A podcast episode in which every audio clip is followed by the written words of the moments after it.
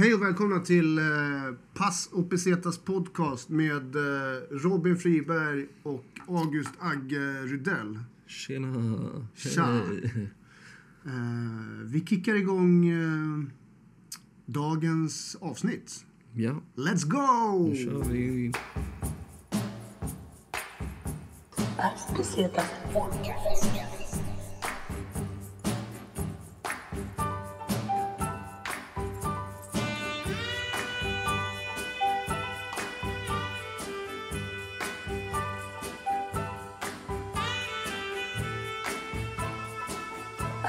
Pesetas Din hiss är återigen i bruk. Den är återställd. Jag tog den faktiskt häromdagen. På grund av det vi snackade om eh, tidigare avsnitt, eller? Därför att jag var så jävla utmattad. Jaha. Det var nog, det var i lördags. Så då tar du hissen? Jag hade inte sovit och klockan var typ 12 på dagen. Ja. Ja, Du kan ju gissa ungefär hur dagen såg ut innan. Liksom. Men jag tycker att det är lite osympatiskt med tanke på att förra gången som vi snackade om din hiss, att den inte var brut, då tyckte du Mm. att gamla tanter och gubbar lätt kunde använda sina egna ben. Men nu när du är lite trasig, då ska du minsann ta hissen. De har inte gått igenom det jag har gått igenom. Hur fan vet du det? jag har förtjänat att använda den där hissen. Men eh, det är ganska spännande. Jag- tycker det är så jävla fascinerande med eh, äldre människor. För att de har varit med om så jävla mycket som man inte vet om. Alltså. Ja, alltså det var ju sannerligen konstigare tider liksom. Alltså, som Ja. man inte riktigt tänker på hur fucked up det var. Ja, men liksom så här, om man tänker sig typ... Eh, jag tänkte på till exempel, det, det finns en artist som jag snackar med dig om lite grann. eh, Ivory. Skitgrym svensk trap-artist. han nämner, eh, han gör en referens till eh, De kallar oss mods. Eh, Stoffe och Kenta är en av sina låtar. Eh, han snackar om hur de typ eh, lever sitt liv. Eh, och så refererar han det till sin samtid liksom. Mm. Men fatta så här, Stoffe och Kenta, du har sett De kallar oss mods, eller hur? Ja. Ja. Eh, alltså de levde ju ändå ett liv som känns jävligt wild. Eh, Ja. Fast å andra sidan typ så här, som ungdomar inte. lever i den, eller, Eller ja. vuxna, unga vuxna liksom. Jag tycker det känns jävligt bara så här... Som... Mm, ja, jag vet inte. Svårt att levde ändå på en tid-. Jag de- tycker de- att det känns äkta liksom. Ja. Men de levde ju ändå på en tid då man drack mellanöl och rökt, rökte brass. Ja, men det var ju det som fanns. Brass är för övrigt ett sjukt skönt Och typ hårs och lite Ja, sånt där som kom senare. brass, ja. Eh, Som de förmodligen dog av. Eller vem, Ja, vem av precis. dem var det som dog? eh, Stoffe va? Ja. Kenta Ja, var med i Melodifestivalen. Ja, och gjorde Just idag är jag stark. Ja, exakt. Ja, men... eh, Men ja. vad heter det, får jag bara säga en grej? Eh, Latin Kings samplade ju även uh, från De kallar oss mods. Mm. Eh, I Cashen de tas tror jag, den låten. Då har de tagit just, de har samplat den här biten från filmen där de säger ta din jävla cykel och stick till Bahamas. Ja, just det. Just det. Ju classic. Ja. classic. Man kan hitta en brud som man gillar men man ska inte torska på familjen alltså. Har jag gjort det då? Visst fan har du Hur på det? sätt då? då? Jo men du har gjort det. Ta din, Gnäll inte ta din gamla cigarett och cykla till Bahamas för fan alltså. Och käften. Det passar du alltså. Vadå då? Visst fan passar det Va- va- Bahamas vadå- om du, om du beter dig som du gör. Va- Vad va? fan har Bahamas med det här göra? Jo men det är dit du ska ju. För det? det passar ju Bahamas Toffe. Jag sticker in i min... Men du kan ju dra iväg alltså. Käften Eller hur? fattar. Visst fan kan du dra iväg. Snacka inte. Då kan du få komma igen där du ska. Vadå då? Vadå komma igen? Ja, men det är bara att komma igen. Vadå komma igen? Ja, men gå in och kvarta i din jävla port hem du ska. Så Jag kan du dra iväg i någon igen. Nej, du men stick inte dit in om du inte vill följa Ja, men med. dra då. Ja, men dra. Du skulle ha fallit in i Ja, porten då. då. Det kunde du sagt Ja, på en gå gång. då. Slipp Ja, du snacka. Jag fick De kallar oss mods på VHS. I födelsedagspresent av eh, Charlie och Josef och eh, eh, Rasmus. Rasmus, rest in peace. Så fick vi det sagt. Ja. Och på tal om det, eh, död och andra tråkigheter. Det här eh, avsnittet kommer vi eh, ha lite tribute va? Vi dedikerar det här avsnittet till Anthony Bourdain. Verkligen. Och vem är han för de som inte vet? Och vad har hänt förresten? Först och främst, vad har hänt? Jag har inte läst så mycket mer efter att han, bara det att han har dött och sådär. Ja. Men det är väl... Men han har kastat in handduken. Han tog livet av sig. Förmodat självmord, så, Ja. tror jag. Och vart var han? I vilket land? I Strasbourg i Dog Frankrike. han? han dog där han föddes eller? Nej, utan... äh, För han är från Strasbourg Han spelade i in sin tv-program. Skulle Just göra ett avsnitt därifrån. Men han, hans förfäder är från Frankrike och sen typ åker de till Uruguay eller något sånt där tror jag. Alltså det, är- det är en lång story hur de kom till Amerika men han är nog inte född där tror jag inte. Nej, precis. Han är ju född i, i Frankrike, som du säger, Strasbourg. Och sen har han varit verksam som kock i, i New York. Uh, hörde att jag sa New York som eh, New eh, York. Bo, eh, Josefin Bornebusch säger i Solsidan. New York. Uh, stör du dig också på unga människor som ska snacka med jävligt mycket amerikansk uh, accent när de snackar engelska? Ja, fast jag mig mer på amerikaner och deras... Men vad, De eh, när du snackar engelska, har du, någon, har du någon dialekt? Eller kör du liksom svengelska Alltså stylen? min har nog blivit mixad. För att Ja. eh, när jag lärde mig engelska skitbra, liksom, då var det genom amerikansk internationell skola. Liksom. Så Ja, då var det amerikansk engelska. Ja. Men sen har jag bott i Australien och plockat upp fett mycket grejer där. Att Ja, jag säger fan. typ såhär mate. Ja, just det. Att du har bott i Australien, det är ju någonting vi måste djupdyka i lite mer sen. Mm, det kan vi göra. Ja. Det kan vi göra. Inte idag kanske, men någon annan Mm. gång. Ta När vi kör. Agge, Agge Australia eh, specialen. Australia special mate. Eh, men så att du har lite då eh, australiensisk klang på din engelska, eller? Mer att jag har tagit ord därifrån. Ja, jag förstår. Typ så här, mer från det brittiska hållet. Ja. Min engelska är ju, är ju fucked up. Eh, dels så är jag ju liksom så här... eh, Jag har ju min skolengelska. Du vill snacka patois. Ja men typ. Alltså sen är jag, jag är, alltså det är verkligen så här. Eh, jag har ju inte det här, jag har inte den här reggae-komplexet som många europeiska killar har ska börja snacka patois liksom så här. För att alltså jag, eh, jag förstår väldigt mycket patois men, men eh, det är inget jag själv vill snacka.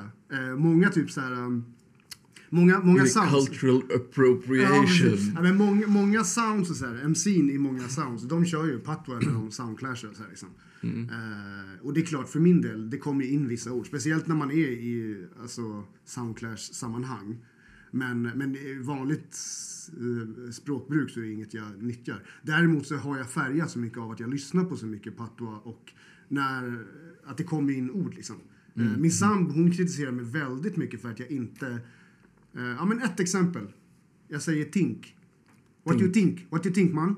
Istället för what, what, what do you think? Men du, du som asiat också. Du. Ja. What you think? För det är också en grej. I Malaysia, alltså... Jag tänker här- mig lite mer så än Ja. att det är jamaicanskt. Ja, men det är det eller som är så roligt. liksom. Ja, men det är det som är så kul för att i, i Malaysia, de, mina släktingar där snackar ju engelska. Men de har ju en egen typ av kinesisk engelska. Där de har egna fraser, egna förkortningar. Och där min typ engelska färgad med patois, eller lite nästan svengelska, funkar skitbra där. Så Mm, jag snackar mer eller mindre, när man väl är med dem så är det liksom, det är lite grann med liksom eh, lite mer med väldigt så här, asiatisk eh, brytning. Men den är sjukt charmig, den kinesiska engelskan de har i Malaysia. Ehm, Jag eh, brukar alltid fördumma min engelska när jag åker till typ Asien och sånt. Alltså så här, ja, bara för att du kan. nej men eh, alltså så här, för att Hur det, kan det fun- det funkar så jävla mycket bättre när du ska ex- kommunicera med folk. Ge oss ett exempel. Fråga, vad vill du fråga för någonting? Okej, taxi. Ja. Okej, how much? Okej, we go now. Ja, Okej, eh, pick up. eh, three o'clock. ja. ja men precis. Det, det är det som är Alltså, så... du behöver inte slänga in alla de här extra Exakt. grejerna för att då gör du bara dem förvirrade och det blir jobbigt. Ja, men Det, för det, vad heter det, jag märkte när jag kom tillbaka efter att ha varit med min släkt i Malaysia, när jag kom tillbaka till Sverige, min engelska hade typ försämrats. Ja, För jag, jag hade skalat rätt så, bort så alltså. jävla mycket. Så här. Det är så mycket ord så här. Ehm, Det behövs inte för att kommunicera. Nej, Så, men sen är det också så här kul för att eh, den malaysiska, kinesiska, engelskan, jag vet inte riktigt hur man ska förklara den. Det är väldigt mycket så här, för att förstärka någonting så dubblar man ordet. Eh, istället för att säga typ så här eh, fast, så kanske go, go, go, go. Man, man upprepar ordet. Även så här, macka är ett ord för att äta. Macka, macka. Det är så här, ja, nu ska vi äta. Kom och sätt dig, nu är maten klar. Alltså, det är så här också så här, det är enklare. Varför överdriva med så mycket eh, utfyllnadsord liksom? I Australien kallar de McDonalds för Macas. Macas. Ja, Macas. Ja, Macas. Macas. Macka, macka, Macas. yeah, we're going to Macas, mate. Sen har vi, vad heter det? Det finns ett annat, nu kommer vi in på helt annat, men det finns ett uttryck som bara är för, eh, för Malaysia. Det är, jag har lagt in den i min, min rutin. Jag har en rutin där jag imiterar min, eh, min faster. Mm. Eh, och ayo är ett uttryck. Har du hört det någon gång när du har varit i Malaysia? Ayo! Alltså jag har bara varit på typ flygplatsen Aha. ett par gånger. Ja, du har inte varit i Malaysia? Eller Mer än flygplatsen. jag har åkt ut och typ sovit en natt för att sen åka vidare till Bali. Alltså, så då, alltså jag... Nej, typ inte. Fan, okej. Shit. Fan vad det hade varit kul att få göra en Paso Pesetas podcast special i min eh, farmors eh, och eh, fasters hus i Petaling, Petalingeya i, i Kuala Lumpur. Selangor heter staten. Selangor. Sällan går.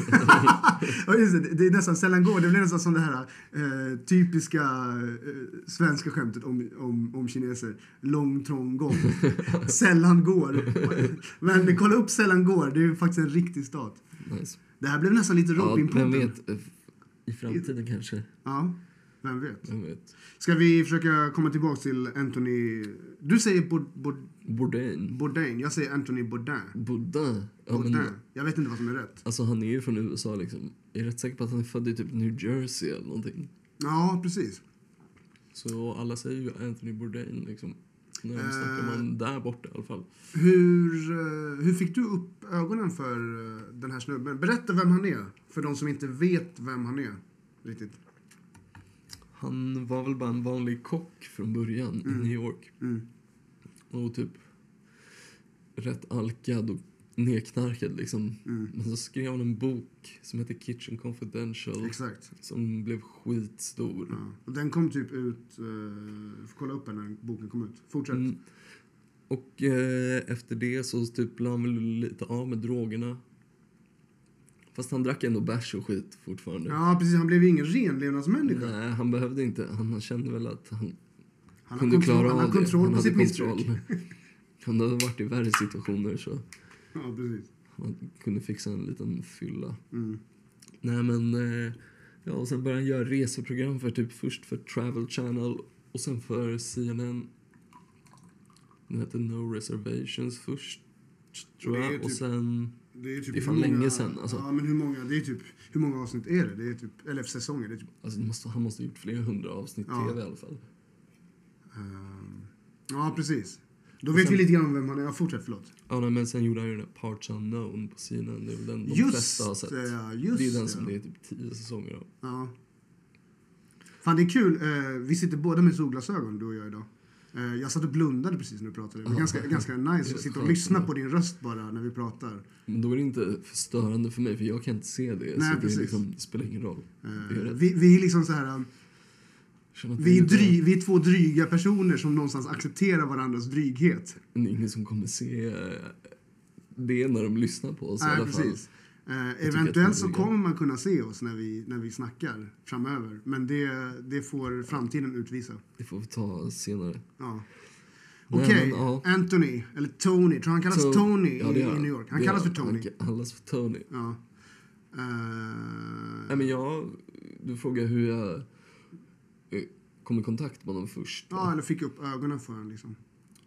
Eh, Jag tror för att jag började lyssna på Joe Rogans podcast typ 2012 kanske. Aha. Alltså för ganska länge Och sedan. ändå. Joe, den här snubben är komiker va? Eh, Joe Rogan, ja. Ja. Han hade Fear Factor förut och nu är han typ kommentator för UFC och har den här podden som är skitstor. Jag fick fan... Eh, liten, liten parentes. Jag Mm. fick se UFC för första gången för ett tag sedan med... Eh, eh, jag var hemma hos en jävligt duktig musiker, The, Gin- The Ginger. Eh, ska, kan ni absolut kolla upp på Spotify. Kristoffer eh, Englund. Sa jag ditt namn rätt nu? Han, jag har bjudit in honom till att vara gäst här i podden. Det, han, han har bott i United States of America och jobbat på en hi-fi-butik där. Eh, Men kolla in The Ginger. Vilken fall som helst, han är jävligt inne på UFC och jag fick se UFC hemma hos honom och jag blev hooked alltså. Det är nice. Det var så jävla ball alltså. Men du vet att Sverige har ju en UFC-fighter som är bra liksom. Ja, från Rågsved. Nej, från... The eh, Mauler. Inte... Nej, han är från Arboga mannen. Han bor i Rå... Han reppar fan Rågsved. 124, linje Han 19. är från Arboga i alla fall. Ja, ja, ja. Man kan vara, man kan vara någonstans ifrån, men säga Ja, ja, att man okej. är någon annanstans. Ja, ja. Ja, men vi får se om han kör någon match snart. Det har varit ett tag Ja, men vem, vem är den svenska? Är det Reza? Nej? Nej, han. Alltså Alexander? Gustafsson. Ja, som är från Rågsved. Från Arboga. Arboga för mig är, är, är en bärs. Mm. Men också Och en, stad. också en stad och även en leverpastej. Ett white trash-hål. Nu varken äter jag leverpastej eller dricker bärs. Slå mig inte på käften för det, Alexander. Uh, jaha, ja just det. Ja, fan, du, Men du diss, är- dissade du honom precis? Eller dissade du hans hemstad? jag dissar Arboga rätt hårt. Jag har Okej. åkt igenom det många gånger. Jag hyllar Rågsved. Så vi får se right. vem, vem av oss som står till tredje ronden. ja, men okej. eh, Ja. Ja, men fucking Anthony Bourdain, hur kom du i kontakt med honom då? Eh, min första kontakt med honom är faktiskt via den här boken som du nämner, Kitchen Confidential. Eh, min, min sambo hade den boken. Mm. Eh, både hon och jag har ju ett eh, långt förflutet inom krogbranschen. Eh, I och med att man, man är en ganska outbildad person så är det krogbranschen man hamnar liksom. Ja. Min farsa är, är ju kock också. Han har, varit kock, han har jobbat i kök i hela sitt liv. Helt, han har Känner jobbat i han kök. till Anthony Bourdain? Eh, han har fått låna just den här boken. Jag hade tänkt ta med mig den idag, men jag har lånat ut den till farsan för att han ska läsa den. Så att han, Mm. förhoppningsvis har han läst boken och, och, och koll på den. Och han var inte medveten om honom innan liksom. Nej, precis. Eh, och det är ju så här... eh, Anthony, Anthony Bourdain, som jag säger, ehm, han är lite så här rock'n'roll-kock liksom. Det är precis som du säger, det är så här, eh, ganska öppen med att han liksom Han super, knarkar, festar. Nej, men eh, vad jag har förstått en jävligt duktig kock liksom. Eh, och den här boken handlar väldigt mycket om när han börjar i krogbranschen och lite grann hur han kommer in i, i den branschen. Och jag minns att ehm, han går igenom lite grann, han har vissa, han har någon sån här lista på hur man kan avgöra att en krog är bra. Mm. Typ så här, gå in och kolla på toaletten. Hur, hur, eh, så som toaletterna är städade, det avspeglar någonstans vilken typ av eh, eh, ja, men Standard. standard det är på maten, hur rent de håller i köket och så vidare. Och jag, den, när jag läste det, jag har aldrig kunnat släppa den tanken. När man är på så här, toaletter på vissa restauranger där det så bara ligger så här, pappersberg där inne och så man precis ätit, man bara mm. Det är, och jag, jag, jag, alltså med min erfarenhet från krogen, jag kan någonstans hålla med om att det, det typ stämmer. Inte alltid. Men har man inte tid att göra rent på toaletten för sina gäster, då har man nog inte tid att hålla köket så rent heller. man, känns det inte som att man bryr sig om det andra heller. Mm. Ja, men precis.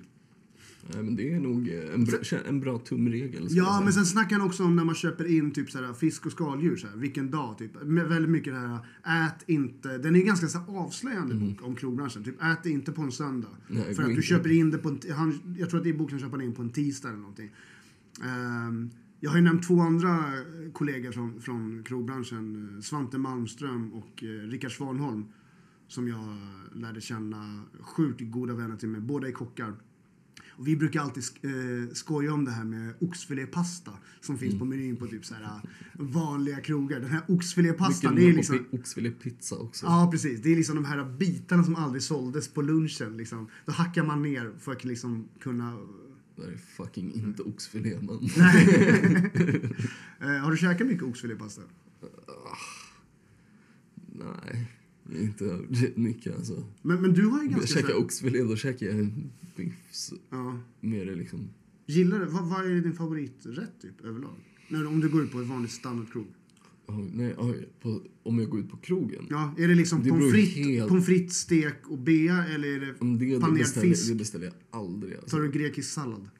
Nej, men när jag går ut på krogen så går jag ofta ut på typ, och käkar typ så här vietnamesiskt, vietnamesiskt eller indiskt eller något sånt där. Går aldrig till typ en krog och beställer en planka. Liksom. Det händer Men du har ju käkat aldrig. på, på Broder Tuck vet jag att du har käkat. Nej, jag har aldrig ätit där. Men varför, varför säger du sådär för? Det låter som att du... Jag tänker att maten är inte bra där. Så där kan du inte säga. Det känns bara som så här luffig pubkäk. Men vadå, du dricker deras öl men du kan inte äta deras mat. Nej. Jag tycker att du är lite elak mot kocken nu. Men det är också Nej, så här, nej, men- hade Anthony Bourdain käkat där tror du? Det tror jag inte. Nej. Uh, Anthony Bourdain, det här uh, programmet Eller som han du snackade om. gjort det och inte gillat det. Liksom. Ja, exakt. För det är lite grann det han gör i det här programmet, No Reservations. Han åker runt på olika, han träffar lokala Men- folk, olika städer. Ja. Eh, och sen så testar han olika restauranger. Men han, test, han upplever jävligt mycket av så här annorlunda kultur också Ja. varje avsnitt. Inte typ så här de klassiska grejerna. Bara, oh, jag åker till eh, kinesiska muren. Typ. Precis. han gör lite mer andra grejer som är mer spännande och intressanta som Ja. man inte har hört talas om. Liksom. Kinesiska muren även känns som Kinamuren. Exakt. Eh, Anthony Bourdain, han har i No Reservations, han har varit i, han har varit i Sverige. Eh, finns sjukt skönt klipp. Eh, I början av det avsnittet så snackar han om att så här, det enda jag vet om Sverige är det jag lärt mig från filmerna av Ingmar Bergman. Eh, och sen så är det typ en dialog. Everything I know about the land of Sweden I learned from the films of Ingmar Bergman. När kommer bussen? Bussen kommer aldrig. I så fall vill jag dö. Alla vill dö. Jag hörde att ABBA funderar på en återförening. Nämen, Oh, and the usual cliches. Sjukt roligt, för att det är, så här, det är väldigt mycket mörker, det är liksom ganska, lite ironiskt i och med att han själv då uppenbarligen kanske tog livet av sig. Eh, men, eh, men i alla fall, det programmet när han är i Sverige så är han eh, bland annat i Stockholm vid Medborgarplatsen. Och sen så har han varit ute och krökat och bara, jag är sugen på att käka något form av animaliskt protein. Vart ska vi gå? Och det är han med en gammal så här MTV-host. Kikki hette hon. Och så går hon till Maxigrillen vid, vid, vad heter det, vid Medborgarplatsen. Klassisk jävla grill alltså. Ja, men... Har du ja, käkat på Maxigrillen? Jag har käkat det många gånger. Jag har käkat där så sjukt många gånger. Eh, De har en väggburgare som jag alltid brukar käka. När jag var packad en gång så trodde jag att jag hade fått äta kött. Och jag gick tillbaka och bara Det här är fan inte vegetariskt. Han bara Det där är vegetariskt. Det här är Maxigrillen mannen. Vad tror du? och då, jag bara okej. Okej. Då är det vegetariskt. Det är jag som är full. Förlåt. Mic drop. Ja, ja men verkligen. verkligen. Eh, jag hade en period när jag, heter, jag jobbade på Debaser. Eh, många känner det som Mondo. Det är mitt emot Maxigrillen. Och då brukar vi alltid typ Vad tycker du att vi har för lyssnare? Typ så här 50 år? Du menar att det är dassiga referenser? Mondo. De flesta känner det nog som fan Debaser. tror Ja, okej då. Så- Ja. Eh, Jag tror ja, men kidsen idag känner ju till det som Debaser. Ja, va? men visst. Eh, nej, men då brukade vi ofta hänga, hänga där och käka. Och då lärde jag känna typ ägarna ganska mycket. För man var kanske klar med jobbet vid eh, typ fyra, halv fem. Solen började gå upp. Dygnsrytmen är helt fucked up när man jobbar nattklubb. Eh, det livet vill man ju inte tillbaka till. du har också jobbat nattklubb, eller hur? Ja, men det var i Australien liksom. Och så här. Alltså visst, det går ett tag. Liksom. Jag känner, alltså, skulle aldrig palla göra det i typ så här, tio år, fem år. Nej. Ett, två år i taget. Ja. Man, måste vara dum, man måste ju vara dum i huvudet om man går tillbaka till den Då branschen. måste man jobba på något skönt ställe med sköna kollegor. Alltså. Annars är det ju fan döden. Alltså. Ja. Nej, jag håller med dig. Eh, jag har gjort comeback i, i, i krogbranschen. Eh, men jag är på ett jävligt bra ställe. Eh, man märker direkt när det är en bra atmosfär. Eh, jävligt organiserat och så här. Så att det är ganska kul. Nice. ja. Men... Mm, kollegor eller? vad sa du? Känner du att kollegorna är okej liksom? Eh, kollegorna är mer än okej alltså. Det, det är sjukt, sjukt softa kollegor. Ehm, så att det, det är ja, men fett nice. Alltså det, det ehm, man måste, jag har liksom, det här halvåret som har varit sedan 2018, jag har förändrat så jävla mycket i mitt liv. Eh, sagt upp mig från, jag sa fan upp mig från mitt andra, mitt butiksjobb som jag hade. Eh, det var nice. Ehm, och säga upp sig. Jag brukar säga det, alltså överlag, eh, en av de absolut bästa känslorna som finns, det är fan med att säga upp sig från en arbetsplats. Har du sagt upp dig mycket? Nej. Har du aldrig gjort det? Du har bara fått sparken eller? Nej, Förlåt. alltså nej. Jag vet inte om jag fått sparken någon gång. Alltså, Du har bara inte fått nya pass.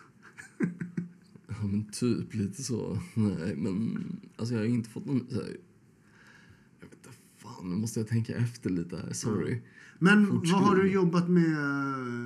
Du har jobbat bar, Vad har du jobbat med annat? Du, du känns som en kille som ändå har knegat Alltså hela livet. Jobbet jag jobbar på nu har jag jobbat på liksom längst. Det är sju år. Sju år. Sedan 2011. Ja. Och jag menar, nu kan jag det innan, utan till liksom. Du känns som en jävligt soft kollega att ha. Jag tror att jag är jävligt chill att ha som kollega faktiskt. Vi är ju lite grann kollegor kanske. I och med att vi Mm, gör ja, det här. exakt. Jag är nog inte så jättejobbig. Tror jag inte. Nej. Heller. Jag är jävligt slapp på jobbet, men jag kan också jobba jävligt Ja, jag kan tänka jag mig. vill. Ja. Eh, Jag jobbar ju som en jävla... Man är ingen sån som golar ner sina kollegor för att de är sena, typ om chefer frågar. Inte en chans alltså. Nej, Jag är, jag är så här... um, Det är det vidrigaste. Ja, men jag står ju alltid på arbetarnas sida. Eh, jag brukar säga det finns, eh, det finns en liten devis om att du behöver inte din chef, din chef behöver dig. Mm, ja, men, det är viktigt. Och det ska de fatta. Men ja men alltså det är viktigt. Men alltså jag har ju också varit så här. Jag är ju lite, ja men det vet du om, jag är ju lite så här präkt arsel och så här. Jag är vad heter det, jag har varit eh, fackligt ombud. Eh, Ja, på min, på min förra butik var jag fackligt ombud. Eh, och ja, butiken innan det också. För att arbeta... fackligt ombud? Fa- men, ska vi komma in på det här nu? Ett fackligt ombud innebär att man, eh, man är som en... eh, Man, man ser till att eh, lagar och regler och rättigheter samt eventuella skyldigheter efterföljs för arbetarna. För att alltså, om, du inte, om, om inte chefen behandlar sin personal korrekt så kan du bli oönskad rövknullad. Alltså ett rövknull kan ju vara skönt för de som gillar det. Men om du inte vill bli rövknullad Bögar. jag, Och jag, brudar. Eh, Pass och Pesetas står för eh, jämlikhet och vi diskriminerar inga som helst av eh, eh, sexuella läggningar. Allt är, är skämt. Ja. men vad heter det? Eh, nej, men man, man, man, man skyddar arbetarna liksom. Ja, Eh, det är och det, så. det är bra och det är även en trygghet för arbetsgivaren. Att, att, att arbetarna vet om sina rättigheter, det är sjukt viktigt.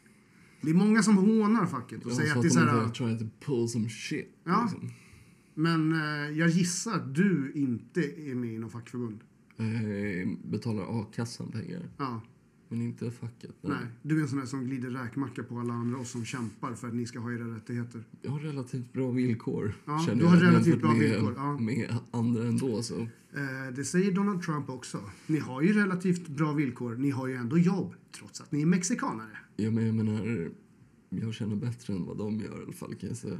Eh, det är mycket möjligt. Jag tror att jag känner bättre än vad många i krogbranschen gör ofta. Liksom. Ja, det är därför vi hänger hemma hos dig och Exakt. inte i mitt ruckel. Nej, men eh, skämt åsido. Uh, uh, facket är skitbra. Jag, Ja, det är ju bra, men det är ju alltså betala både facket och a-kassan. Det känns som att man får typ välja det ena. Det är ändå 600 spänn i månaden alltså. Mm, Det är rätt mycket. mm, de har höjt uh, radiotjänsten igen. Ja, Fast du betalar väl inte radiotjänst heller? nej, det Eller det gör du såklart. Prata inte om det, det har inte varit någon här än. Min farsa var så skön, du vet. Jag, kommer ihåg eh, förr i tiden, då var det lite, lite mera större grej om radiotjänsten. Han brukade hänga över en handduk över sin TV. För att de gjorde ju så här, de plingade ju på hos folk förut, radiotjänsten. Kommer du ihåg den? Snigel på ögat. Har Vet du känt- att min farsa jobbade på... Han var med och gjorde den bland annat. Den, alltså den... eh, Snigel på ögat. Är det han sant? jobbade på det eh, företaget när jag var Fett. liten. Ja. Och han gjorde alla de där, var med och gjorde typ alla de där kända. Just nu har vi skärpt radiokontroll i Gällivare. Han brukade sitta hemma och klippa dem där. Mhm. Aurora vill jag minnas att det hette. Hade ni sniglar hemma? Nej, det hade vi inte. Eh, på tal om sniglar. eh, Anthony Bourdain, Frankrike. Har du ätit sniglar någon gång? Jag har fan gjort det. Vad tycker du om, eh, om det? Jag tycker att det är rätt nice om man får det på så här franskt vis. Vad heter det? Aspar... Nej. Escargot. Eska, escargot. och så har man med vitlökssmör och persilja, va? Exakt. Ja. Som i, man har den som en liten så här nice, eh, vad ska man säga, som en nice fat man serverar på. Så Ja, det är så gropar i så där skalen Ja, ligger. det. och så kan man täcka över där med så smör och sånt. Så typ så bakar man dem nästan. Eh, Anthony Bourdain lär ju ha gjort ganska mycket eh, sniglar. Det tror jag. Eh, han var nog jävligt duktig på Han fick nog många brudar att snigla lite i trosorna också. Fy fan vad grabbigt sagt. Ja, ja. Eh, med, alltså. nej, jag förstår det. Det är lite Stefan och Krister buskishumor över det ibland. Jaha, men fan. Men jag tycker om det ändå. Saftig diss. Ja, eh, sub, eh, såhär, lite subdiss typ. Såhär. Eh, eh, men vad heter det? Men ja, nej alltså vad... Nej men jag har också käkat sniglar. Jag käkade sniglar när jag fortfarande var vegetarian. Men jag började rycka, så här, rucka på gränserna. Så här, jag ville testa vissa grejer. För jag kände så här, jag kan inte leva ett liv och inte testa och äta vissa grejer. Eh, också hemma hos Rickard Svanholm, eh, kocken. Han hade en bjudning. Eh, och så var jag så här, jag vet att jag tänkte så här, är det här vegetariskt? Att jag inte riktigt visste om sniglar var ett djur eller inte. De säger i alla fall att eh, typ, ja, kanske inte sniglar men typ så här mollusker i vattnet, typ ostron och sånt. De har inget eh, centralt nervsystem. Så Nej. tekniskt sett är de eh, eh, mindre intelligenta än vissa plant eller växter. Som en morot typ. Ja, men, jag vet inte, typ solrosor och sånt där skit som är så här. Hur- Eller typ svampar är ju sjukt intelligenta. Ja just det. De har ett, liksom ett helt nätverk som typ så här, kan transportera information och skit. Alltså så här, det är helt Är det sant? där. Det här visste Ja, inte ja. jag. Fan vad spännande. Ny forskning visar att, plant, eller att växter är mycket smartare än vad man tror. Att typ om en växt blir äten på en bit bort av, Ja. låt oss säga, en larv eller någonting så kan växten utsöndra ett hormon liksom, i sitt rotsystem till allt annat. Så att de andra växterna utsöndrar ett annat medel som kommer få larven att inte vilja äta vidare på växten. Typ.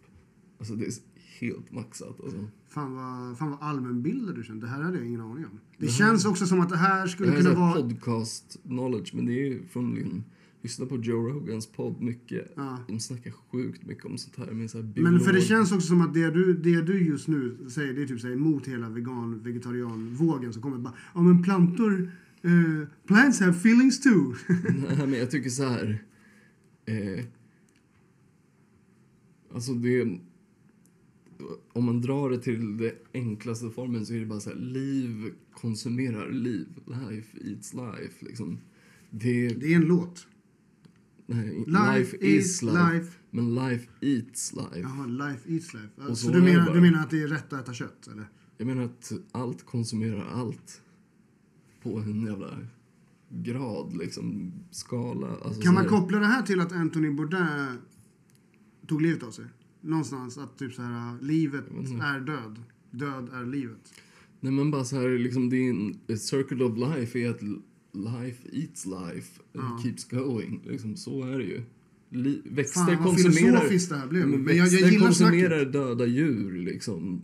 Det blir näring i jorden till slut också. Så de äter ju på något sätt kött, näring, som har gått, alltså det blir bara en cirkel. Mm. Ja men alltså precis, alltså det där köper jag. Jag köper allting det du säger. Eh, nu kommer vi in på... Jag tror inte att man ska göra så stor skillnad på vad som är vad. Nej, nej, nej, Bara alltså- för att man lägger in typ så här humana känslor i Nej, nej massa djur. Men kolla till exempel när jag var, när jag var vegetarian, eh, när jag kallade mig för det.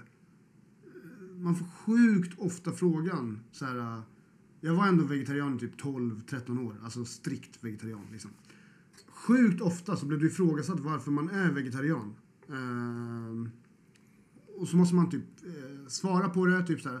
Och det här är lite grann det du säger. Jag tycker inte att det är fel att äta djur om du har respekt för djuret du faktiskt har ätit. Alltså, det jag har problem med, det är den här jävla den här jävla industrin när du packar in massa jävla kossor eller höns eller typ grisar och bara behandlar dem som bos, men boskap. Det tycker jag är fucked up. För jag, och jag, jag blir, en grej, jag, nej, det här måste jag få säga. En grej jag är jävligt provocerad av. Det är människor som vill äta kött men som absolut inte kan, skulle kunna ta livet av ett annat djur själv. Då tycker jag, då ska du fan inte äta det. Om du inte kan, ta, om du inte kan vrida nacken av den här hönan, då ska du fan inte käka den. Det håller jag verkligen med om. Alltså.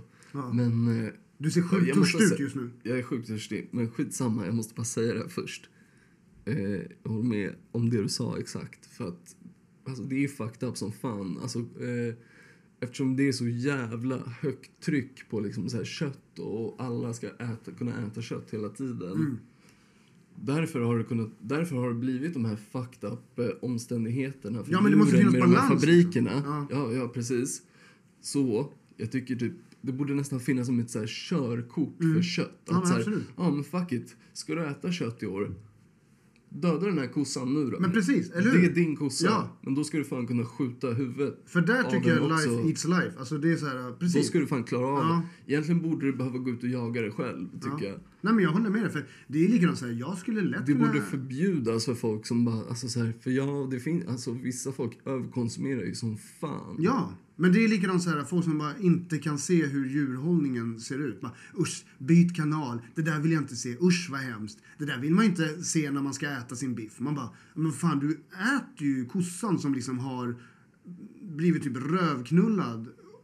Och jävla industri. Det är inte arbetarna som är på platsen som är de hemska människorna. Det är industrin, det är cheferna, det är företagen som bedriver den här typen av verksamhet. Men det är ju också efterfrågan. Ja, ja, visst, absolut. Eh, stället som jag börjar jobba på som nu. driver dem framåt Ja. och att det blir så jävla lukrativt. Alltså den, det stället jag jobbar på nu, de har, hela menyn är helt vegetarisk. De ingår i så här hållbart, eh, hållbart tänk-projekt som är. Och, och det är många gäster som reagerar på att det inte är något animaliskt protein på, på menyn. Men det är sjukt bra mat. Alltså sjukt goda rätter, snyggt komponerade. Och allt är vegetari- vegetariskt liksom. Ja, det var, ja. Mer än så. Jag vet inte. Ja, Anthony Bourdain gillar ju kött liksom. Men, men han har också så här, han har också, han påpekar flera gånger i sina avsnitt i No Reservation han snackar väldigt gott om liksom. Han vill ju ha en bra djurhållning också liksom. Jag tror att han har slaktat något djur i något avsnitt också. Ja, ja, jag, jag har fan mig också sett det. Det finns så jävla mycket bra avsnitt med, med No Reservations. Ja. Eh, har du något favoritavsnitt som du på minnet?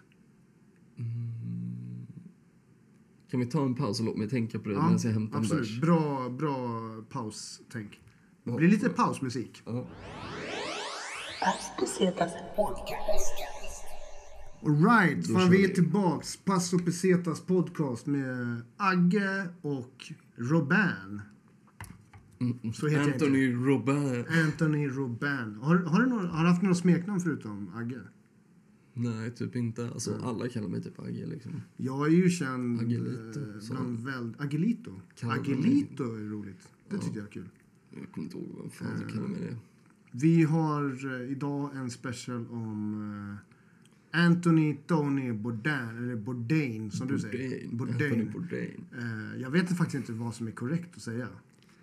Jag vet inte. Säger jag tror Anthony Bourdain. Ja. Ja, det är klart för att du säger så. Jag tror Bourdain.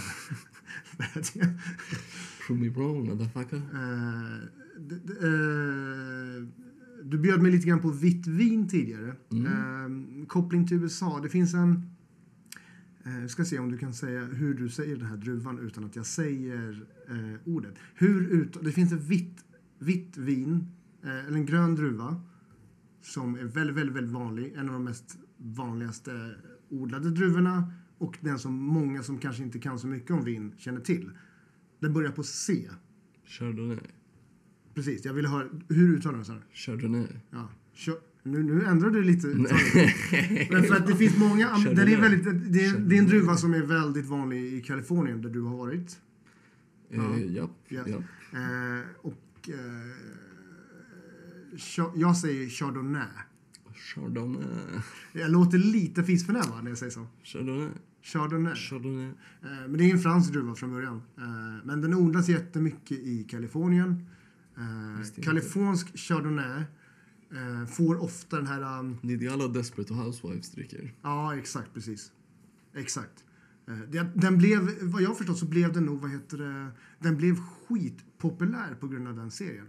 Likadant, likadant men alltså det är, det är så kul hur, hur, hur dryckestrender påverkas av, av eh, eh, populärkultur. Eh, HBO-serien Sex and the City gjorde, jag jobbade på krogen när den här blev, blev eller jag jobbade i bar rättare sagt, när det här blev. De drack, Jag gissar Cosmo och Manhattan. Ja, Cosmopolitan drack de. Och sen så drack de även ehm, den här Appletini. Ah, Apple Tea. Appletini. Jag skulle säga Skinny Bitch. Skinny Bitch. Sjukt god eh, grogg, Skinny Bitch. Det är fan en favorit. Eh, Men du vet att det heter inte det där. Vodka soda. Vodka soda i Australien också. eh, första gången jag fick höra om Skinny Bitch så hette den Vodka Soda Lime. Det är det jag menar med Mm. Skinny Bitch. Liksom. Men, Vad gillar du för, har du eh, vad har du för favoritgrogg? eh, grogg alltså, inte cocktail. Sorry. Ja men typ grogg. Alltså så här, Men jag gillar väl typ en Tom Collins liksom, eller något gin-baserat, eller vodka. Gin, vodka typ. Tom Collins. Nu ska vi se om jag kan här. Tom Collins är alltså gin, eh, citronjuice, sockerlag och äggvita. Nej, Eh, sodavatten bara. sodavatten. Ja. I Jag, alla fall så jag gör dem. En klassisk GT är ju så jävla gött alltså. Det är nice. Jag gillar mycket lime med mina liksom. Ja. Mm. Men, eh, ja fan jag lärde, alltså så här, på ett ställe jag jobbade i Australien gjorde vi en sjukt nice cocktail som jag inte kan göra här för jag vet inte vart fan jag ska få tag på slow gin någonstans. Slow jam? Nej. Slow jam vet jag, det är en musikgenre. Slow Typ gin. såhär, gin, genuine. Pony, kommer du ihåg den låten? My pony. Mm, mm, mm. Nej. Ja, skitsamma. Slow gin. Slow gin, alltså det är slånbärs gin. Aha, men det kan inte vara helt omöjligt. Alltså, det är en jävla gin-trend som pågår just nu. Jo men den ska vara liksom, den är inte, det är inte 40 procent, liksom, det är typ 20. Aha. Så ska man ha aprikoslikör och eh, mörk rom och massa lime. Och bara Rom och gin. rom, slow gin och eh, eh, aprikos eller persikolikör och fett mycket lime och bara mixa det på is. Jag fick höra... Kallas en slumdog för övrigt. Jaha. Slumdog Millionaire. Yes. Känner du, har du sett den filmen? Ja, Eh, Den är Det är en pojke som ramlar i, i ett hav av bajs. Eller? mycket trevligt. Hur fick han inte hepatit C efter det där i frågan? Precis. Filmen är lite Filmen orealistisk. är väldigt Ja, overklig. exakt, precis. Ehm, Anthony Bourdain, ditt favoritavsnitt av No Reservation, äh, Parts Unknown eller No Reservation? Det är, det är två olika program som han... Mm, Eller hur? Lite olika också i stilarna, men okej. mitt Men favorit- CNN producerade No Reservations, eller hur? Nej, Parts Unknown är Parts Unknown. Och vem producer, vilka producerade... Travel Channel, Travel tror jag Channel, ja. att det var. Men mitt favoritavsnitt är, jag tror att det är Parts Unknown. Han är i Sichuan Ah, i Kina Cool. eh, och käkar fett stark mat med sin franska polare som inte tål stark mat. Men eh, det är också för att eh, jag och eh, min nuvarande flickvän typ kollade på det avsnittet. Jag Mm. visade henne det innan vi skulle gå och käka så här Sichuan-middag. Typ. Vart då? Vilken restaurang? I Stockholm, eller? Eh, vi käkade på Surfers. Vad fan det nu ligger. Det är inne i stan någonstans. Sankt Eriksplan, va? Nej? Nej, det är nog mer eh, Östermalms... Ja, eh, typ vid Mood-gallerian där någonstans. Jag är inte helt säker. Där någonstans har jag för Vet, vet du varför jag vet att det är Norrlandsgatan? För att en av mina första praoplatser var på Pizza Hut på Norrlandsgatan. Eh, shoutout till eh, Krubb Rekyl, eh, Bojan. Sjukt eh, grym eh, drum and bass DJ. Mm, nice. Jag gillar drum and bass då. Eh, förlåt. Men i alla fall, vi skulle dit och käka och då kollade vi på det avsnittet när han var i Sichuan innan. Mm. Hade käkat nudlar på ett ställe som heter Tångs bakficka vid Mariatorget. Som var fett starka. Så, så starka att jag typ blev lite så här hörselskadad. Och det började tjuta mina öron. Men vadå, jag kan du åt. bli mer hörselskadad än vad du redan är? Tydligen. Du hör ju typ ingenting. Nej, jag. Alltså jag menar inget illa, men du hör Nej, jag ingenting vet, alltså, alltså. när man snackar med dig. Det är knas. Jag, jag får typ ha en megafon ibland när jag snackar. Ja. Sorry, men uh, that's me Ja. baby. Eh, jag vet inte om jag fortsätter köra den här podden. Nej men fortsätt snacka. Nej men alla fall alltså, avsnittet. så vi kollar på det avsnittet och det är fett kul för han tvingar i sin polare massa stark mat. Ja. Men alltså den här polaren, det, måste, det här är vad heter... eh, Han är väldigt fransk också så han bara oh, Tony, this is very spicy. Men alltså kan du förklara lite grann hur, vad händer? Sichuan är ju känd för en viss typ av... De har en typ av peppar som Ja, heter vad händer med eh, munnen, kroppen när man äter det här? För så att man får en liten, en liten tanke av hur den här kompisen då till Tony upplever det. Det domnar bort liksom. Verkligen typ såhär tandläkarbedövning, feeling. Fast Mm. Och det- i hela käften. Det är så jävla... Och jag, starkt medans. Ja.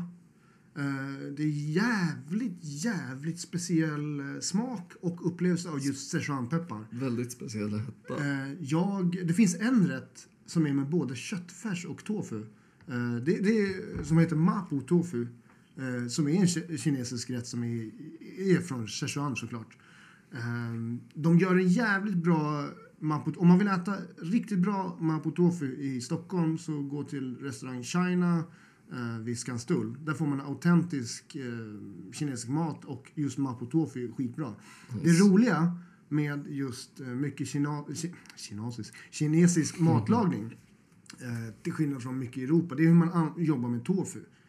Eh, för tofu eh, är ju väldigt mycket så här, det är lite veganstämpel på sig. Men, men inom kinesisk matlagning så jobbar man mycket med tofu och kött. Alltså så att det liksom, du får fram olika smaker, textur.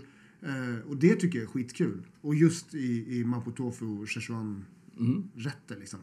Det är nice alltså. Så ja, du, du, du gillade när Anthony Bourdain var med sin kompis i Szechuan? eh, han, var lite, han var lite sadist i avsnittet liksom. Ja. Tvinga in sin polare starka grejer. Jag gillar också att göra det lite, lite tror jag.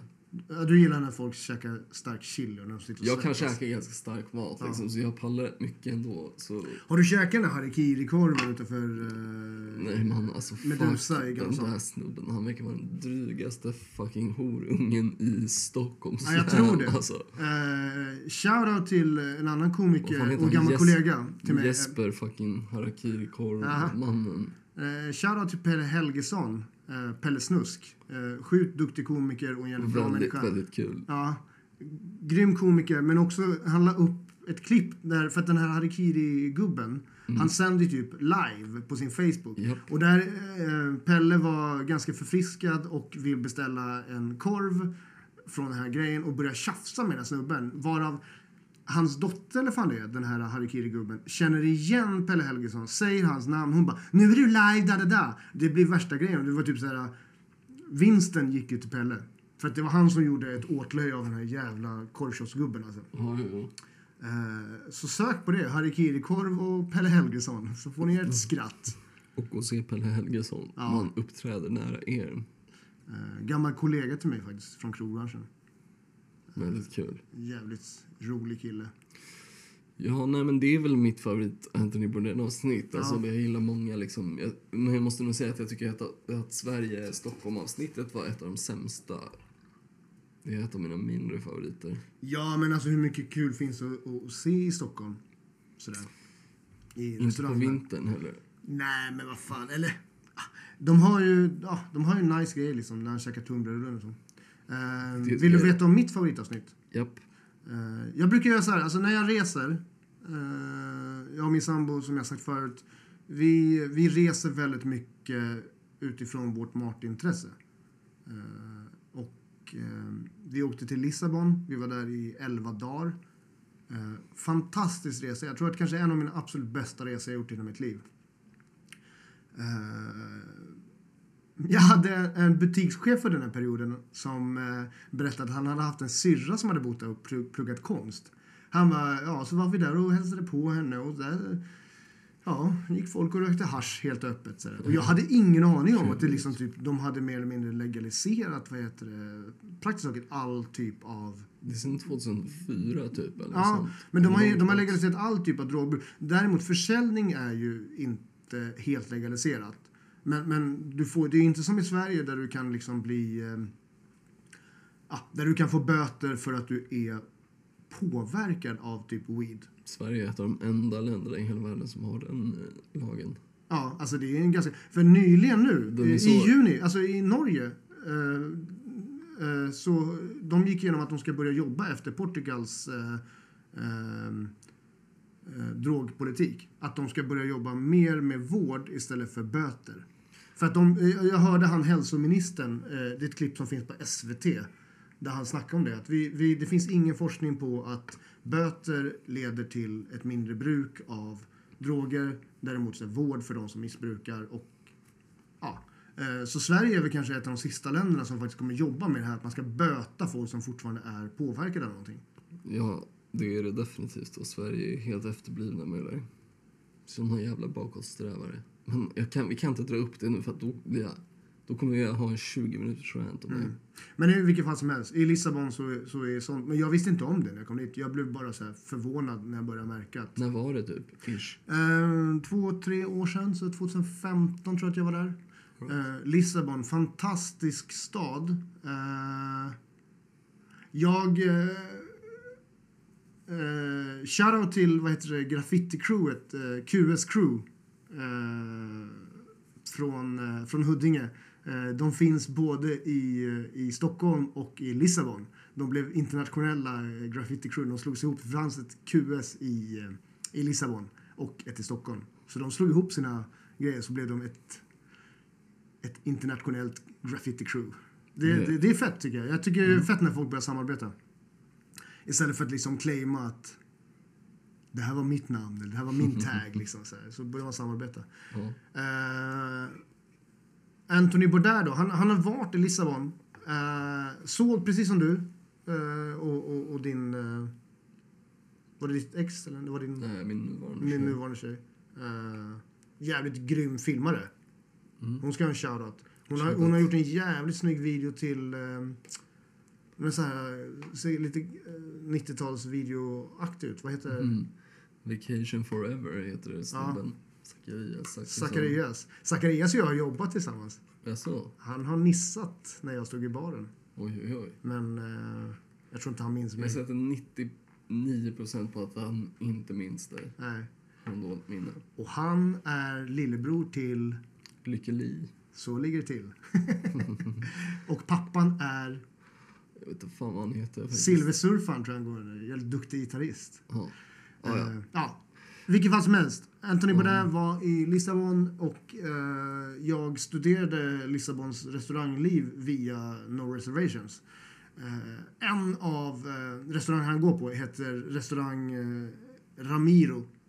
Eh, fisk, skaldjur, endast på menyn. Eh, sjukt ball. Alltså, gå in på Youtube, sök efter Lissabon, Anthony Bourdain, eh, Ramiro. Den, jag tror att de har en eller två stjärnor i Michelinguiden. Jävligt ball stil av servering. Eh, en massa pappersdukar. Eh, det blir ganska slabbigt. Nästa gäst drar man bort den här pappersduken. Det, det är kö ut på gatan innan de öppnar. Och vi bodde på ett hostel som var eh, diagonalt mitt emot vad heter det, den här restaurangen. Så jag kunde titta ut genom fönstret och se hur mycket kö det var. Sjukt god mat. Eh, ingenting om man är strikt vegetarian eller vegan. Gillar man fisk och skaldjur, man får det färskt verkligen. Det är bra. Skön personal. Det är värt besök. Eh, man får bärs, man får bröd, man får eh, jag tror det var aioli eller någonting. Så här, det, är bara, det är bara allt, det är bara allt som är gott. Fan vad gott. Ja. Det låter helt maxat. Eh, och i, I Lissabon dricker man ju så små bira. De har ju typ tre olika storlekar. De har typ så här to go. Pussy. Pussies. Fucking pussies. Ja, men sen är han också på... Han, alltså, ah, praktiskt taget nästan alla krogar han är på i det avsnittet eh, besökte vi under vår, vår, liksom, vår vistelse där. Eh, han är på en... Det finns eh, en gata i Lissabon som heter Pink Street som är liksom en... eh, som är en, en, en partygata kan man säga. Eh, där är han på ett ställe där de har en massa sardinburkar. Så de, man kan typ ha sardin... Du köper en sardinburk som tilltugg till bärsen. Eh, och eh, jag tror att de är, gamla, de är musiker eller någonting, de som driver stället. Och Anthony Bourdain är ju väldigt mycket, han gillar mycket punkrock och sånt liksom. Eh, mycket så här eh, New York Ramones eh, kopplingar liksom. Eh, fantastisk stad. Eh, och fantastiskt bra guide. Tack Anthony Bourdain för det du har gjort. Ja. Legendar. Alltså, vill man veta någonting bra om någon stad, kolla upp om han har gjort ett avsnitt om den innan och kolla på det. Alltså för att det är, ni kommer få bra tips om allt. Ja men verkligen. Och så jävla opretentiöst och äkta Ja. ja men det är lite grann så här- journalistik. Ja men verkligen. Det är liksom inte så här... Det är liksom ingen hittepå-grej. En annan grej han också gör i Lissabon, det, det, vi måste nämna det bara. Han är på, eh, det kallas för gingi, gingina, heter det. Eh, det är alltså en körsbärssprit som du köper. Eh, öppet från typ, jag vet inte när de ens stänger. De kanske har stängt typ tre timmar eller någonting. Ett torg mitt i Lissabon. Det finns några som är originalet. De besöker han i det här avsnittet. Det är alltså en körsbärssprit som du köper. Du köper shots för några cent liksom. Eh, säga vad man vill om vad det påverkar liksom, folkets bruk av alkohol. Skulle ju absolut inte vara tillåtet i Sverige. Med Nej. de serveringsreglerna som vi har här. Eh, och alkohollagen och eh, ansvarsfull alkoholservering. Under inga omständigheter ska Nej. detta förekomma. Det är lite så som är den svenska stilen. Jag lägger ingen värdering i Det känns just som att den vi borde biten. släppa den, men Ja, det känns som att det kommer. Det känns som att du, det verkar vara ett hett ämne för dig. Vad du tycker om både Sveriges alkohol och Det drogpolitik. bryter mot mänskliga rättigheter, man. Men i vilket fall som helst, han dricker det och sen så får man ju, man kan välja då när man får såna här om man vill ha eh, körsbär i, i sin lilla shot eller inte. Och Anthony Bourdain, han tar typ fem såna där shots och så står han och spottar ut de här kärnorna på gatan. Och det är massa få, det är typ duvor som går och plockar upp de här liksom. Eh, så- att, är ni någonsin i Lissabon, ni måste dricka gin gina. Det- är fett kul. Även måste jag tipsa om eh, Time Out, den här tidningen som finns i, jag tror en Londonbaserad tidning. Time Out Market. Det finns en food court i, i, i Lissabon. Eh, fantastisk jävla food court om du, om du gillar eh, mat och resor. Eh, den het, det är en gammal food court från början, så den har något portugisiskt namn. Men där inne så är det så här, det, det, är, som, det är kändiskockar som har små liksom, eh, ungefär som teatern på Skanstull. Där det är liksom kändiskockar som har, kändiskockar, men kockar som har sitt egna stånd. De får liksom promota sin grej. Eh, jag hängde så jävla mycket där när jag var i Lissabon. Nice. Uh, fan, åk till Lissabon. Har du varit i Lissabon? Nej, mellanland där en gång. Men jag ska väl dit snart, tänker jag. Men eh, jag ska läsa upp eh, ett av mina favoritcitat från Anthony Bourdain som jag läste nu faktiskt tidigare i veckan. Eh, nu eftersom folk har ju lagt upp hur, hur mycket som helst om att han har begått självmord och skit. Det här kommer säkert bli lite lökigt, men fuck it.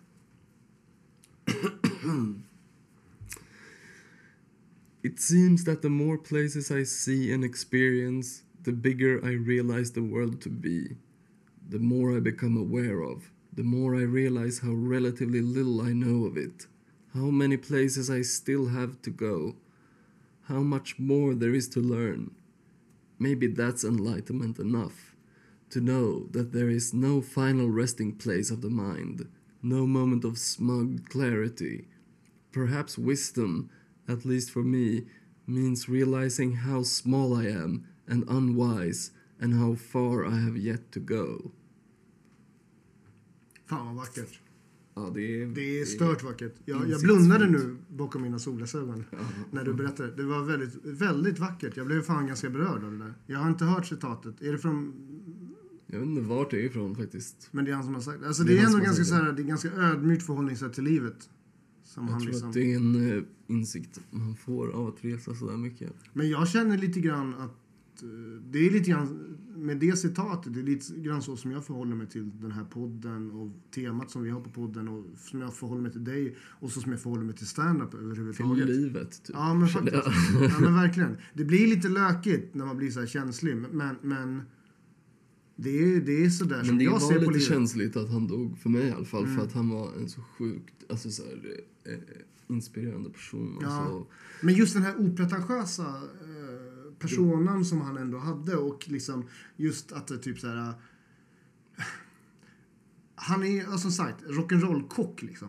Eh, så jag jävla kommer ihåg... äkta bara. Ja. Eh, en gammal kollega till mig, här, när jag höll på att läsa den här boken så jobbade jag på krogen också. Eh, en gammal kollega till mig, eh, Micke Forsvik, eh, grym servitör. Alltså en av de servitörer som har lärt mig vad faktiskt eh, att servera faktiskt innebär. Det är många som tror att, att, att servitör är något jävla skitjobb. Men Micke Forsvik är från gamla skolan och han lärde mig sjukt mycket. Eh, han hade också läst, jag jag missade att jag läste boken han bara Fan vad grymt att du läser den här boken. För, för liksom, Får jag bara flika in Ja. en grej snabbt? Jag tyckte att servera var sjukt bra för så här, lite så här stand-up träning nästan. ja ja, Man skojar lite Ja, ja. med folk man inte känner typ. Ja men det är det nu när jag är tillbaks till, nu kommer vi in på ett annat spår men nu när jag är tillbaks i, i, i krogbranschen igen. Eh, efter, ja men det är typ fem års uppehåll från branschen. Eh, jag, jag, jag älskar att få gästerna att skratta. Och Ja, jag, är så här, exakt. liksom, någonstans är det så här, um, är de får äta god mat, man jag kan ett... finna Ja, men i precis. liksom arbetets... Men jag, sen, sen, alltså jag Ja, älskar att ge service också. Jag gillar att jobba med, med, med service. Jag tycker att det är kul. Det är liksom inte något jag gör bara för att enbart betala hyran. Utan jag tycker att det är kul att interagera med människor. Och jag serverar är jävligt kul. Och, och få dem att, att, att trivas liksom. Ja. Jag har en väldigt romantiserad bild sen jag var liten av eh, restaurangbranschen i sig liksom. Men eh, Micke Forsvik igen. Eh, och Anthony Bourdain. Du vet, för omslaget i den versionen av boken som jag har, då står han inte på, där med typ så här, han står i en kockrock och håller upp typ så här, några knivar. Några så här, det ser så jävla cool ut liksom. Ehm, Man har ett ball liksom. ja, Fan alltså, jag måste verkligen pissa nu. typ. ovanligt. Ska vi ta en paus snabbt? Ja. As